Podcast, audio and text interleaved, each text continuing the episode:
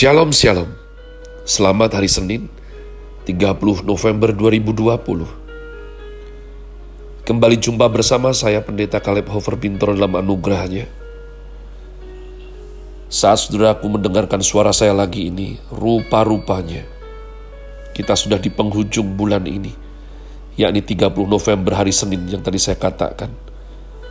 Sadarkah saudara bahwa sudah 11 bulan. Siap tidak siap saat pertama kali keluar pandemik daripada COVID-19 ini. Dengan semua drama, kesulitan hidup yang harus kita hadapi, gereja Tuhan masuk dalam fase yang tak terbayangkan, di mana kita absen untuk tidak ibadah selama setengah tahun dan masuk, ya, ibadah bisa offline, online, betapa banyak yang dimurnikan, betapa banyak yang sudah kita lewati bersama di tahun 2020 ini. Saudaraku saya merasa harus ambil space untuk ingatkan kita semua termasuk jiwa saya sendiri. Sebab tinggal satu bulan lagi.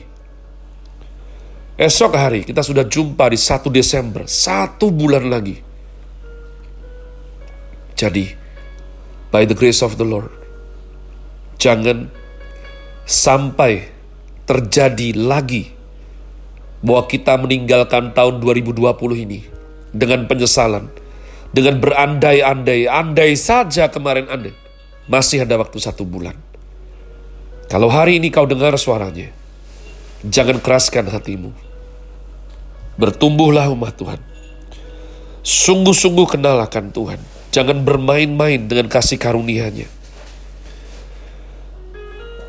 Saya bersyukur sekali masih dalam program yang sungguh-sungguh kami doakan yakni Grace Words. Disusun dengan cinta dan kepedulian yang kuat. Bahwa merenungkan firman Tuhan adalah sesuatu yang sangat penting dalam hidup kita. Sebagai anak Tuhan, murid Kristus. Kita langsung masuk dalam tema bulan ini, developing, ya, dan Judul daripada Grace Words hari ini adalah doa Bapa kami bagian ke-58. Doa Bapa kami bagian ke-58.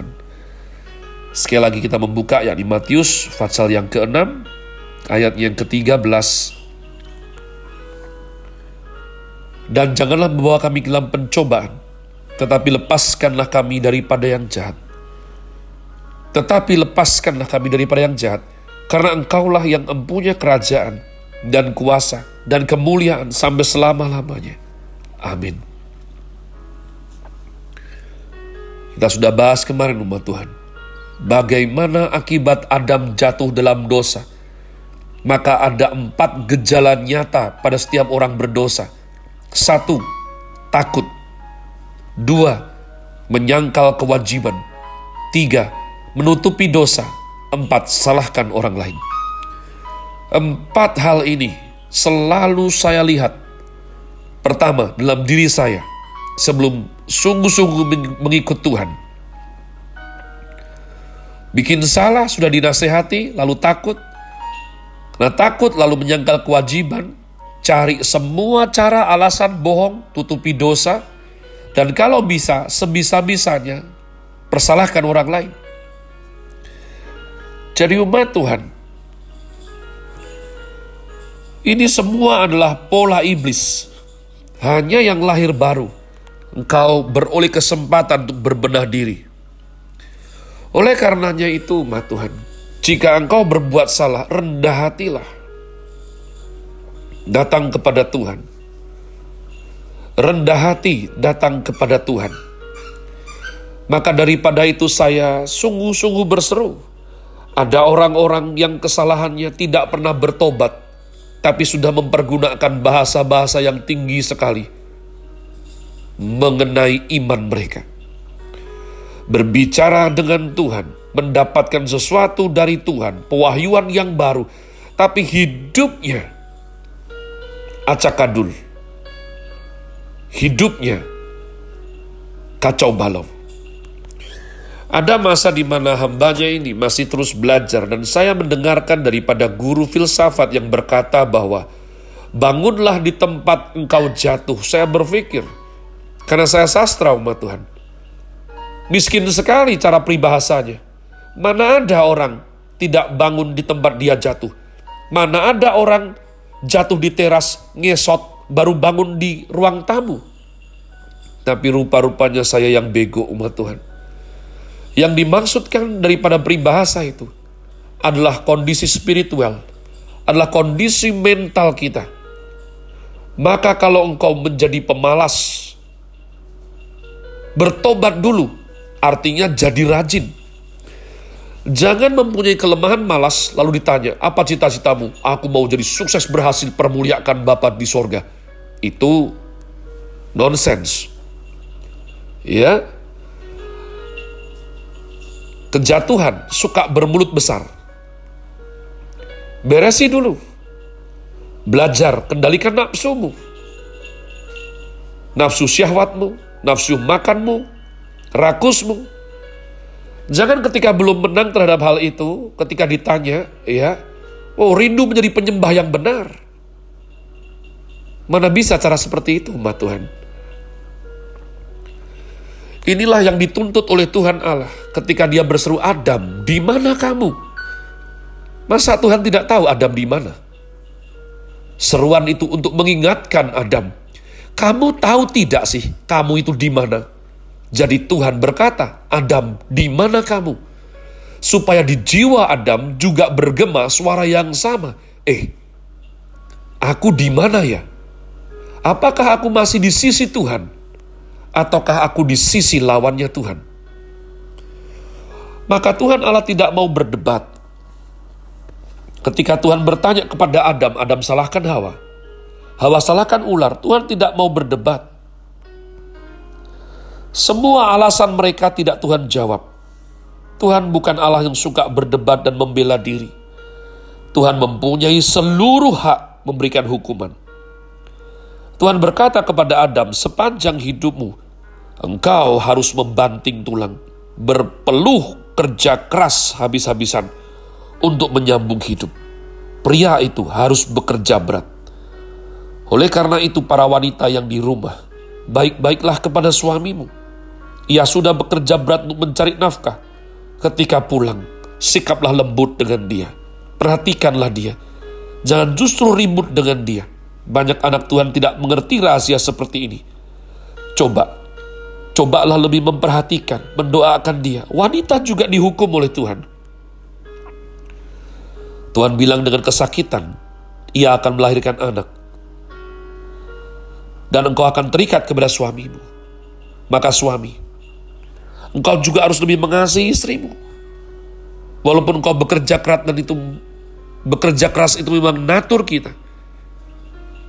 Maka ini harus ada saling. Kenapa? Karena kita semua sudah salah.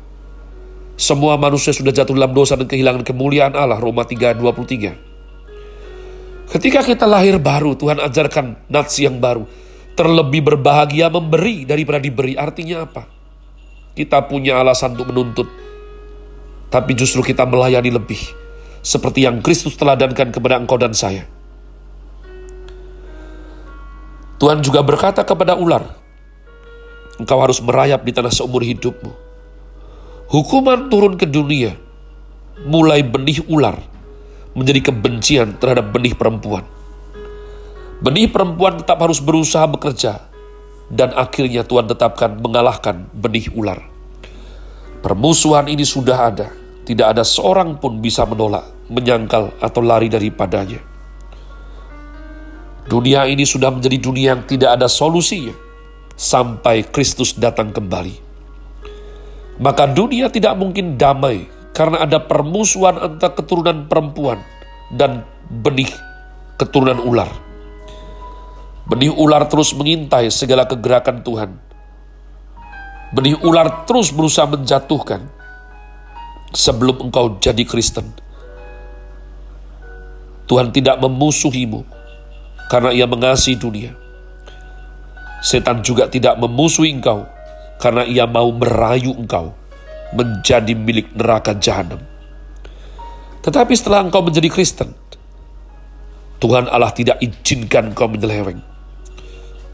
Tuhan Allah mengasihi engkau apa adanya, namun tidak akan membiarkan engkau hidup seadanya. Tidak mungkin. Sebab engkau dan aku adalah anak. Tuhan akan didik dan hajar anaknya. Dan setelah kita menjadi Kristen, setan juga tidak mengizinkan kau mentaati Tuhan. Maka hidup kita justru setelah menjadi anak Tuhan, kita menerima berbagai macam ujian dan pencobaan. Barang siapa mau menjadi Kristen sejati, ia harus menyangkal diri, tidak lagi egois, dan belajar mengikut Tuhan. Memikul salib, sedia dianiaya, baru pantas masuk kerajaan Allah. Barang siapa mau hidup beribadah kepada Tuhan, dia akan menderita aniaya. 2 Timotius 3 ayat 12. Dan ia akan dibenci oleh dunia. Tuhan Yesus berkata, mereka membenci engkau, karena mereka sebelumnya sudah membenci aku. Yohanes 15 ayat 18. 1 Yohanes 5, 19 dikatakan, seluruh dunia berada di bawah kuasa si jahat. Setan tidak akan melepaskan manusia. Siapa yang diciptakan menurut peta teladan dan menjadi saksi Kristus akan menjadi mangsa, sasaran serangan iblis. Maka kita semua diajar berdoa oleh Tuhan Yesus, lepaskanlah aku daripada yang jahat. Inilah doa yang mengakhiri semua doa yang diajarkan Tuhan Yesus kepada orang Kristen Tuhan mengajarkan empat hal yang harus kita doakan. Satu, antara kita, anak, dan kebutuhan materi di dunia ini. Dua, kita manusia dan relasi antar manusia. Tiga, kita manusia dan pencobaan yang menjatuhkan kita. Empat, kita dan rencana Tuhan dalam kekekalan.